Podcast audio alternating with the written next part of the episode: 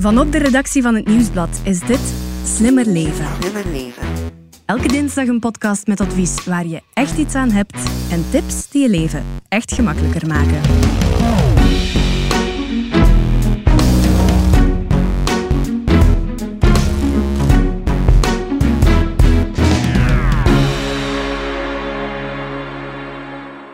Als de zomer en het mooie weer in het land is, duiken er ook meer en meer kleine kriebelende beestjes op.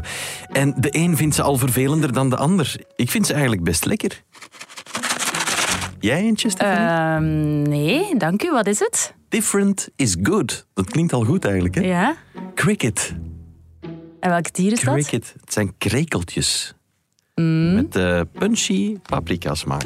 Paprika lust ik graag, maar eh, Eens proberen. paprika op krekels? Mm, Kijk, wacht, hè. Kijk, hè. Je ziet zijn, zijn kopje. Het is alleen zijn hoofd. Nee, zijn lijf ook. Proberen. Ja, doe maar. Ah. Paprika? Dat is eigenlijk best lekker. Ik zal nu niet zeggen van... Ik ga daar een volledige zak van opeten voor tv. Maar zo Bij de aperitief? bij de aperitief... één klein kommetje. Why not? Ik ben Elias Meekens en bij mij zit Stefanie Verelst, vaste redactrice van de podcast. Hallo. In deze podcast gaan we het dus hebben over zomerse, vervelende insecten. Van muggen en wespen over fruitvliegjes naar teken- en processierupsen.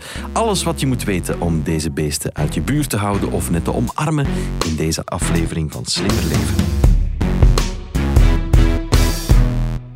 Dus zo'n lekker gedroogd krekeltje, Stefanie, dat is niks voor jou? Nee, dank u. Oh, dank. Ik heb er echt geen behoefte aan, dank u wel. Mof, ja. Ik zie dat dan nog liever gewoon wat kruipen in mijn tuin of zo. Ja, Of zo wat springen in het gras. ik snap het wel. Insecten zijn ook gewoon fascinerende beesten natuurlijk. hè. Ja, absoluut, absoluut. En ik ben daar nu nog meer dan ooit van overtuigd, omdat ik voor deze podcast, die dus voor alle duidelijkheid niet gaat over eetbare insecten.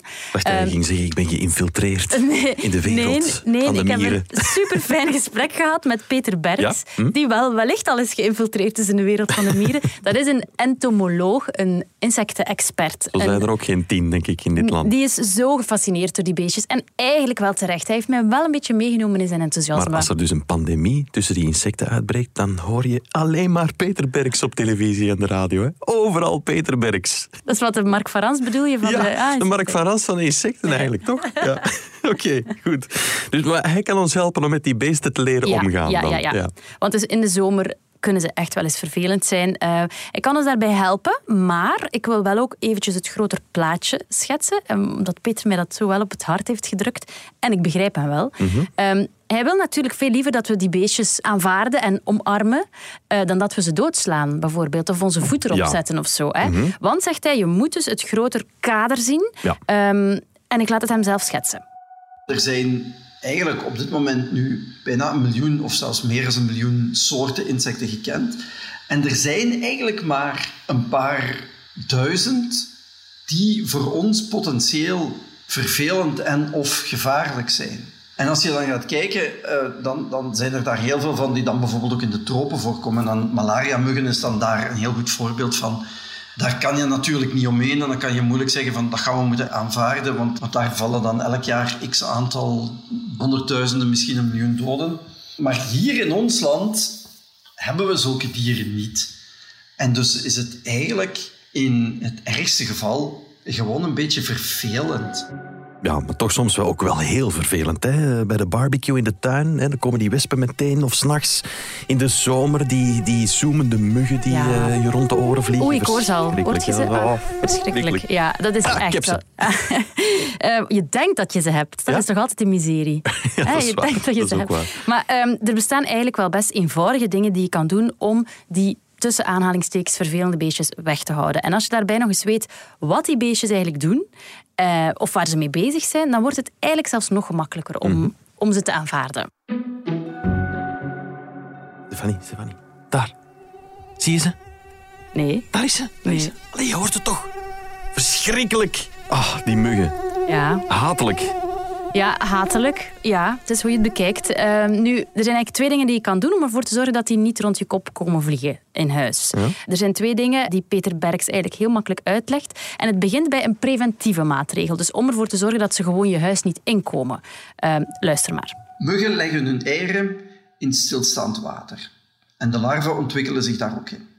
Dus hoe minder stilstaand water je in de omgeving, in de directe omgeving van je huis hebt, hoe minder kans er is dat muggen zich daar kunnen ontwikkelen. En muggen gaan geen honderden kilometers vliegen op zoek naar, naar prooien. En uh, de curatieve maatregel is eigenlijk de meest eenvoudige, is muggengaas in je ramen zetten. Vliegengaas of muggengaas, hè, whatever. Uh, als je dat in de meeste ramen plaatst, en zeker de ramen die je s'nachts openlaat als het te warm is, dan heb je er weinig last van. Want dan kunnen ze niet binnenkomen.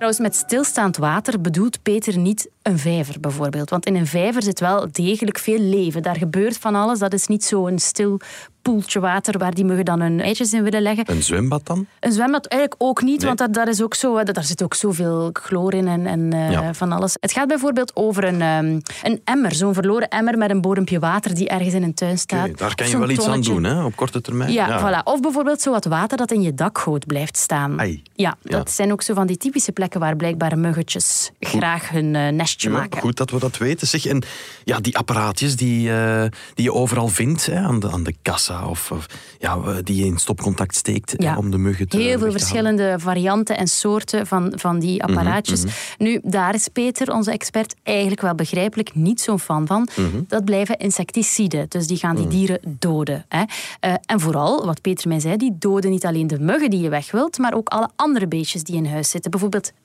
spinnen bijvoorbeeld. En die zijn eigenlijk wel, best wel nuttig. Ja, ja, nu slapen en die beestjes uit huis houden is natuurlijk één ding. Maar s'avonds, Stefanie, op je terras. Je kent het, hè? Ja. Je bent rustig, hè? Ja. nog een, een, glaasje wijn aan het drinken. En dan komen ze af natuurlijk. Dan, kunnen ze, dan kan je echt het gevoel hebben van ik word hier aangevallen. Ja, zo, hè? Verschrikkelijk. Ze hebben het op mij gemunt. Ja, ja. Why me? super ambetant. Ik, uh, ik herken het absoluut. Ik denk dat iedereen het herkent. Um, nu, die muggen, het is niet toevallig dat dat s'avonds gebeurt. Want ze zijn het meest actief tussen zonsondergang en zonsopgang.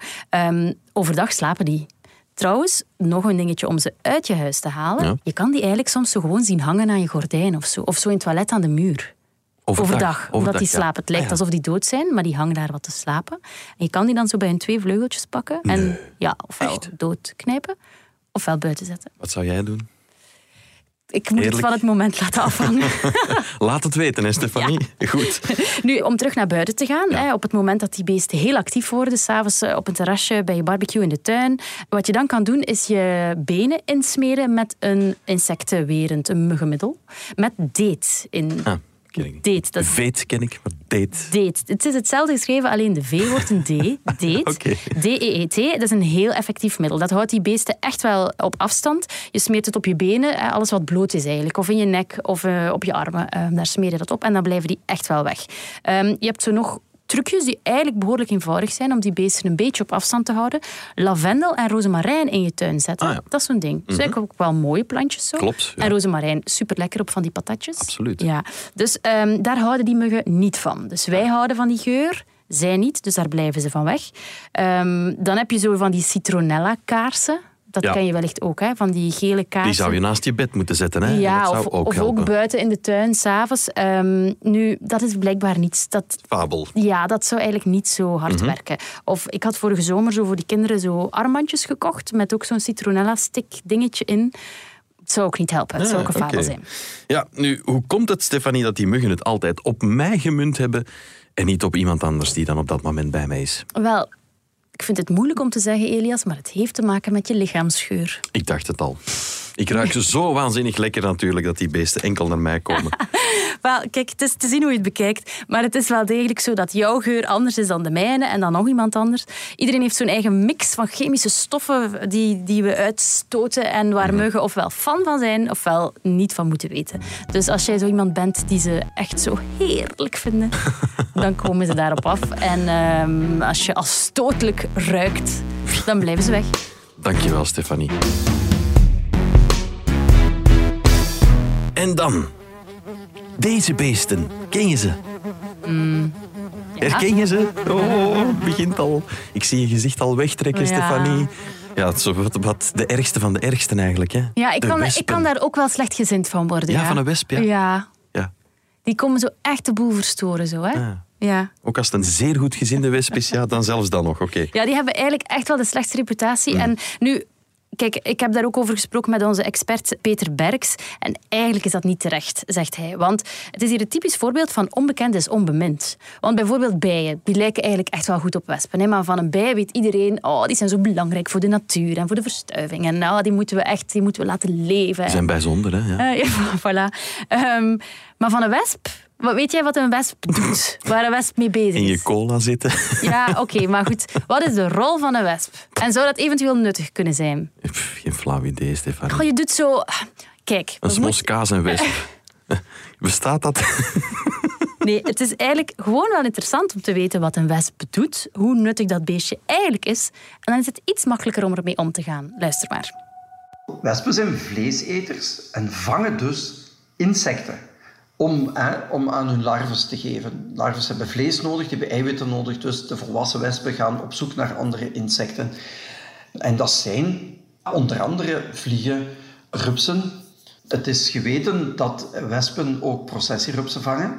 Het is geweten dat uh, wespen ook buxusmotrupsen vangen. Dus ze hebben wel een bepaalde ecologische rol. Ze houden de populatie potentieel schadelijke insecten onder controle. Goed, maar ik snap het, Stefanie. Je kan het al iets beter kaderen. Voilà. Uh, maar ze blijven wel afkomen. Hè? Op de barbecue, op Ja. het ijsje van de kindjes, Absoluut, op de frisdrank. En je hoorde Peter net zeggen dat het dus vleeseters zijn. Ehm, dus ze gaan op zoek naar vlees. Je moet gewoon een entrecote voor de deur leggen eigenlijk dan. Ik om ze te lokken. Pff, eigenlijk waarom niet. Ja. Maar het, is, eh, het, het grotere plaatje is als volgt. Eh, vooral in de het begin van de zomer zijn ze op zoek naar dat vlees. Begin van de zomer ehm, willen ze dat, hebben ze dat nodig voor hun larven. Maar in het tweede deel van de zomer, dan hebben ze het gemunt op onze ijsjes. Want dan hebben ze de behoefte aan suiker, aan zoetigheid. Want wat doet suiker, wat doet zoetigheid? Daar krijg je energie van. Hè? En dat is belangrijk voor hun larven, om die te laten groeien. Ehm, en ze vinden die zoetigheid dus in afgevallen rottend fruit op de grond, in de boomgaard, in de tuin. Maar veel gemakkelijker vinden ze dat gewoon bij jouw ijsje of bij jouw cola. Ja, hoe houden we ze dan weg? Ja, je kent de truc wellicht van de omgekeerde colafles. Ja. Je snijdt een fles in twee, je steekt de dopper omgekeerd in. Werkt niet? Jawel, jawel, wel. Die vallen daar dan in, kunnen er niet meer uit en die liggen dan zo een beetje te verdrinken. Klopt. Ehm, je hebt ook zo professionele wespenvallen. Eh, in het tuincentrum kan je dat kopen of zo, die bestaan ook. Maar Peter gaf- eigenlijk nog een, een eenvoudiger tip mee. Vul eens gewoon een klein bakje met wat suikerwater, dus met wat water en je doet er wat suiker in. Ehm, dat lusten die wespen super graag. En zet dat dan op een afstand ergens van je terras. Bij, Bij de buren.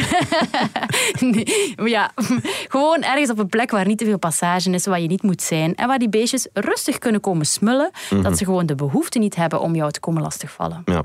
Nu, En, en, en, ze ja? sterven ook niet op die manier. Hè. Ah, ja. In die dat, cola... dat is het belangrijkste, hè? Ja, toch?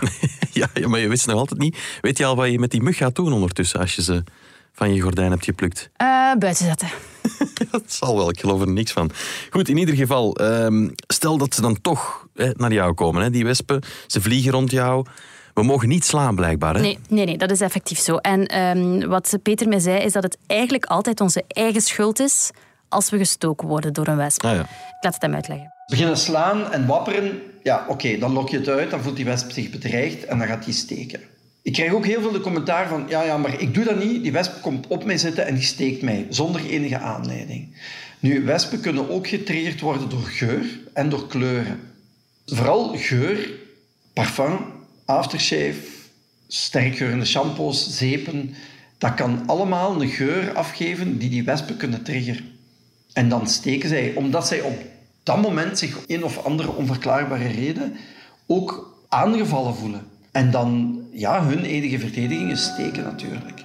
Wij leren onze kinderen zo om ehm, als een standbeeld te blijven zitten of te gaan staan als er ineens een wesp rond hen komt. Wat is het record? Met, met de mond toe. Meestal duurt dat niet zo lang en kinderen zijn dat beu, hè, snel. Max staat nog in de tuin waarschijnlijk. Op dit moment. Maar het is wel blijkbaar een goed idee. Het is wel, het is wel, want die druipen echt gewoon af, die wespen. Als ze zoiets hebben van, oké, hier hier is niks te rapen, Ja. dan druipen die wel af. Je moet je mond wel dicht houden. hè. Ja. Zeg, een, een wespennest, dat is toch wel echt... Dat moet je toch aanpakken. Nee, eigenlijk blijkbaar niet per se. Er zijn twee, eh, twee situaties. Als die wespennest een beetje achteraan in de tuin in een struik zit of zo, dan zit hij daar eigenlijk zonder veel kwaad. Zit hij daar gewoon te zitten. Ehm, als je daar niet veel in de buurt komt en zo, dan mag je die gewoon laten zitten. Ehm, zit zo'n wespennest langs de andere kant in de spouwmuur bijvoorbeeld aan je achterdeur, dan zou ik die wel laten weg, weghalen door de brandweer. Uh, want dat kan wel hinderlijk zijn. Als die wespen heel af en aan vliegen en je, je loopt erdoor, of, enfin, dan kan dat wel vervelend zijn. Goed, de volgende. Ja, ik zou heel graag een geluid geven, Stefanie, maar ik vrees in dit geval. Ja. Die sluipen zo. Het geluid van een sluipend teekje. Een teekje een teekje, daar kan je ernstig ziek van worden. Hè? Ja, daar kan je echt wel ernstig ziek worden. Mhm. ja, dat is niet min, uh, want een bepaald deel van alle teken, dat draagt een bacterie van de ziekte van Lyme. Ja. Ehm, en dan krijg je dus de ziekte van Lyme. Um, je kan dat vaak gemakkelijk behandelen met antibiotica. Uh, op zich, ça va, maar in sommige gevallen is dat wel ernstiger. En dan uh, leidt dat tot verlammingen bijvoorbeeld. Of je kan zo chronisch ziek worden. Je kan zo jarenlang nadat je gebeten bent door die teek, die die ziekte van Lyme in zich had, um, last hebben van spierpijn, keelpijn. Uh, dus dat kan wel lang aanslepen. Dus het is echt wel belangrijk om als je door een teek gebeten bent, als die teek dus zo zich heeft vastgezet in jouw huid, um, dat je die er zo snel mogelijk uithaalt. Um, het ziet er trouwens uit, weet je hoe het eruit ziet, een teek? Goh, een soort van spinnetje eigenlijk. Ja, het is van een spinachtige. Ja, ja, Het is eigenlijk, meestal zie je het gewoon als een soort zwart-bruin bolletje. Mm, klopt, ja. En uh, het heeft pootjes. Uh, zo mini pootjes. En het wordt groter naarmate het langer in je zit. Mm -hmm. Want dan zuigt het meer bloed uit jou en dan wordt het zo wat dikker. zo kan je het herkennen. Viesbeest. Ja, eigenlijk wel. En Peter Berg legt eigenlijk supergoed uit hoe je hem het beste uit je haalt, die teek, als die mm erin zit. Vroeger werd dan gezegd, moet je die tegen de klok indraaien. Maar de beste manier om ze te verwijderen is ofwel met een tekenkaartje, een tekentang, of met een platte pincet, een epileerpincet bijvoorbeeld. Dat heeft een platte bek en dan pak je die teek zo dicht mogelijk tegen je huid vast. Je nijpt een beetje en dan trek je met een hele korte ruk die gewoon eruit. En je moet dan goed checken dat de monddelen van de teek ook mee eruit gekomen. Er mag niks achter blijven zitten. Als er iets achter blijft zitten, dan kan dat ontsteken, dan kan dat een, dan kan dat een zwerende wonde veroorzaken. Dus daar moet je, daar moet je voorzichtig mee zijn. Dat is toch altijd een beetje lichte paniek, hè, als het zover is. Het kan ook bij je hond bijvoorbeeld. Ja. Als je gaat wandelen met de hond, kan die ook Absoluut. Ja. Zeg, en, en die teken die komen toch, vaak zitten die toch op specifieke plaatsen. Hè? Ik dacht dat ook. Hm? Dus ik heb hm? dat gevraagd aan Peter Berk. En die zei, hm, eigenlijk zitten die overal. Ah, die hebben hun bestaansgebied, of hoe noem je dat, echt wel uitgebreid naar overal. Die kunnen echt wel gewoon in jouw tuin zitten, overal. Nu, meestal is dat wel in bosrijk gebied uh, of met hoge grassen. Um, daar leven die heel graag. Mhm. Als je gaat wandelen, doe je dus eigenlijk best een lange broek aan, lange mouwen. Het is al warm. Ja, maar Peter zegt eigenlijk als je, zeker als je zo in een gebied komt waar het heel bosrijk is of, of waar heel veel lange grassen staan, doe het toch maar aan. En je kan je ook insmeren met zo'n dateproduct waar ik het net over had. Dus voor alle beestjes die eigenlijk op ons, op ons bloed gemunt hebben, net zoals muggen, teken ook. En dat dateproduct houdt ze ook wel weg. Weg. Dus je kan wel met een korte broek en een date ja, want, ja, want ze komen af op je lichaamswarmte en je geur. Oké. Een gewaarschuwd man of vrouw. Hè. Eh, de volgende dan, de processierups. Dat is eigenlijk een mooie naam, maar het is een zeer vervelend beest. Ja, ja. En ze zijn dus die processierupsen. Uh, even de biologie. Het is het voorstadium van de processierupsvlinder. Mm en ze noemen ze zo omdat ze zo mooi in rijtjes achter elkaar lopen. Heb je dat al eens gezien? Zo lijkt olifantjes aan elkaar staart, zo, en slurf met staart. Ja. Prachtig, prachtig eigenlijk. Eigenlijk wel mooi. Ze lopen zo echt mooi in rijtjes in een processietje achter mhm. elkaar. Nu, die rupsen leven in hun nesten van eikenblaadjes. Dus die wonen eigenlijk alleen op eikenbomen. Um, en ze zijn heel harig. Ze hebben zo lange haren. Beatles. Ze zien er wel, eigenlijk zien ze er wel aaibaar uit, maar nee, nee, nee, niet aankomen, niet aankomen. Luister maar naar wat expert Peter Berks erover zegt. Die hebben allemaal lange haren. En die haren die doen eigenlijk niks. Maar na de derde vervelling ontwikkelen die rupsen ook hele kleine, microscopisch kleine haartjes, waar weerhaken op zitten en waar een irriterende stof in zit. En ze gebruiken dat ter verdediging. Dus vanaf het moment dat zo'n rups wordt aangevallen door een parasiet of door een predator, dan gaat ze die haartjes loslaten. Die zitten in pakketjes samen. Die pakketjes worden opengetrokken en die haren worden door de lucht, door de wind verspreid. En die kunnen bij ons uitslag veroorzaken. Dus die komen in je huid, die beweerhaken, die zetten zich vast. En die stoffen die daarop zitten, die werken irriterend op je, op je huid. Dat geeft een uitslag, dat geeft heel veel jeuk. Eigenlijk kan je het zo'n beetje vergelijken. Ik weet niet of je het al hebt gehad ooit. Ik ook Eh, niet. lang geleden. Ja, wel, maar blijkbaar kan je het vergelijken zo met ehm, zo door een brandnetel geneteld worden. Daar lijkt het op. Alleen is het Mhm. Noemen ze dat zo? Geneteld worden. Ik noem dat zo, Ah, ja. denk het zeker. Dat is een nieuw woord. Ja. Dankjewel, Stefanie.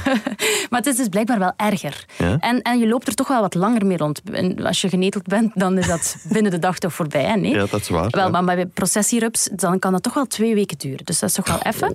Ehm, nu, als wij zo'n nest aanraken of in de buurt komen Mhm. van zo'n nest op zo'n eikenboom, dan worden wij dus gezien als die predators. Hè, wat, Mhm, wat, waar Peter het net over had, parasieten of predators. Wij zijn dan die aanvallers en dus dan laten ze hun haren los.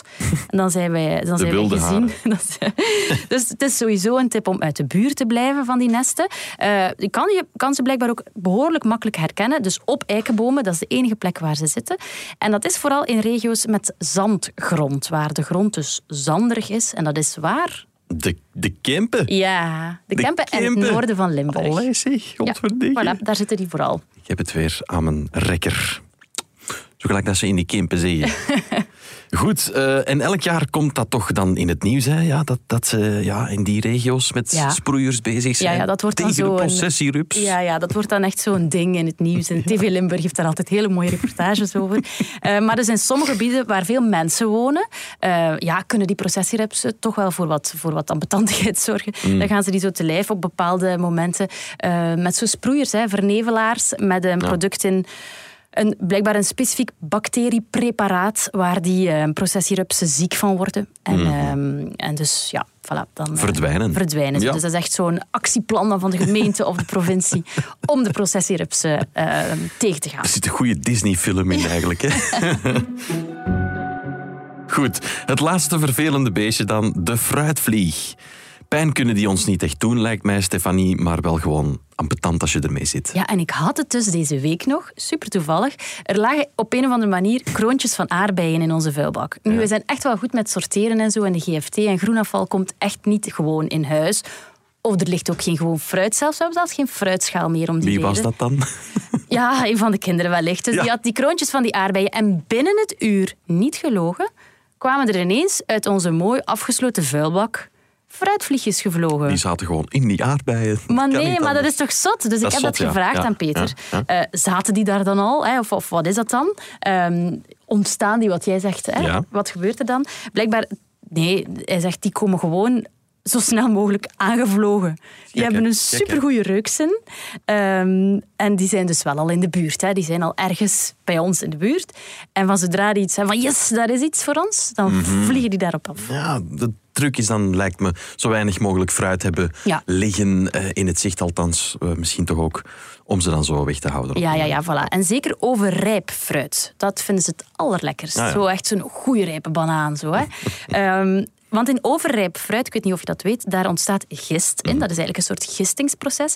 En die gist die produceert dan nog eens alcohol en azijn. Je beter een fles whisky zetten eigenlijk, voor die fruitvliegen. Maar hoe worden fruitvliegjes ook genoemd?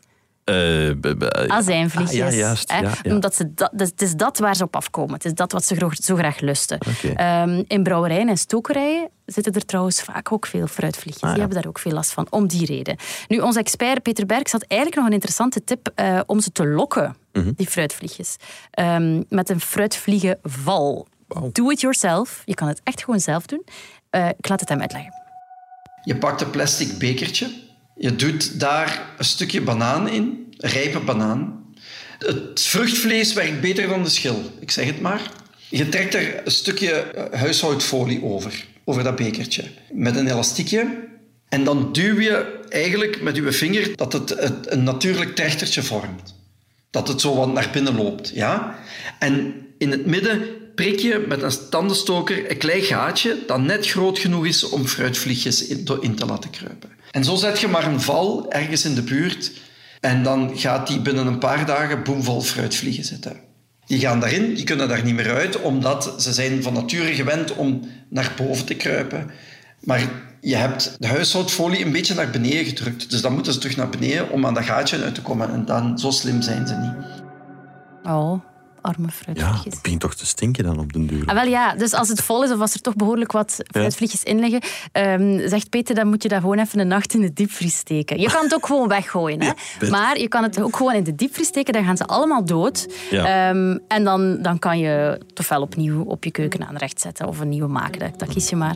Eh, Peter werkt zelf met twee bekertjes, dus er zit altijd Mo. een bekertje in de diepvries en er staat er altijd eentje eh, op het aanrecht en dan kan je zo afwisselen. De Peter. Slimme kerel, goede tip.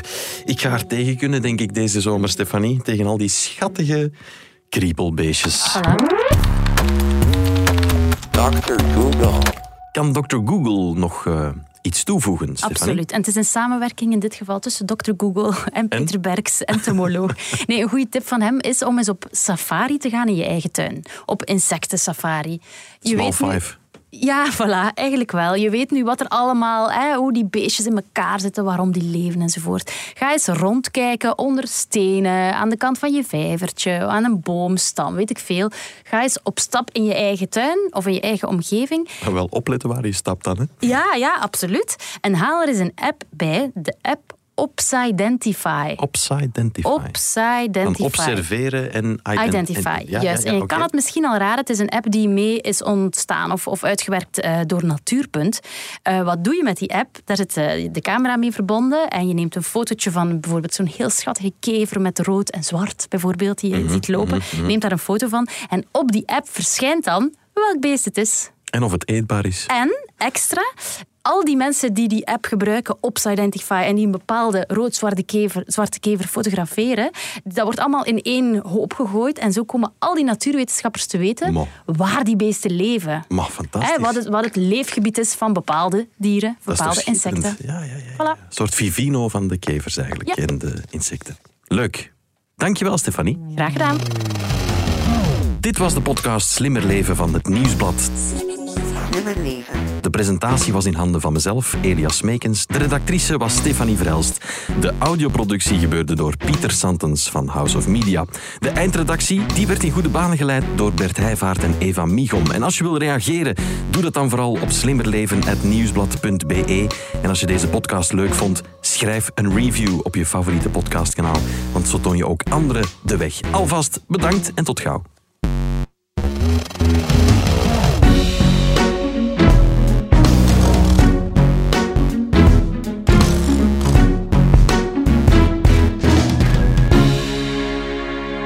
Heb je trouwens onze andere podcasts al ontdekt? Onze Crimi-podcast bijvoorbeeld, Stemmen van Assise. Of Het Punt van Van Impe, onze politieke podcast. Maar we hebben ook podcasts omtrent sport, zoals Shotcast en De Koers is van ons. Ga ze beluisteren en tot gauw.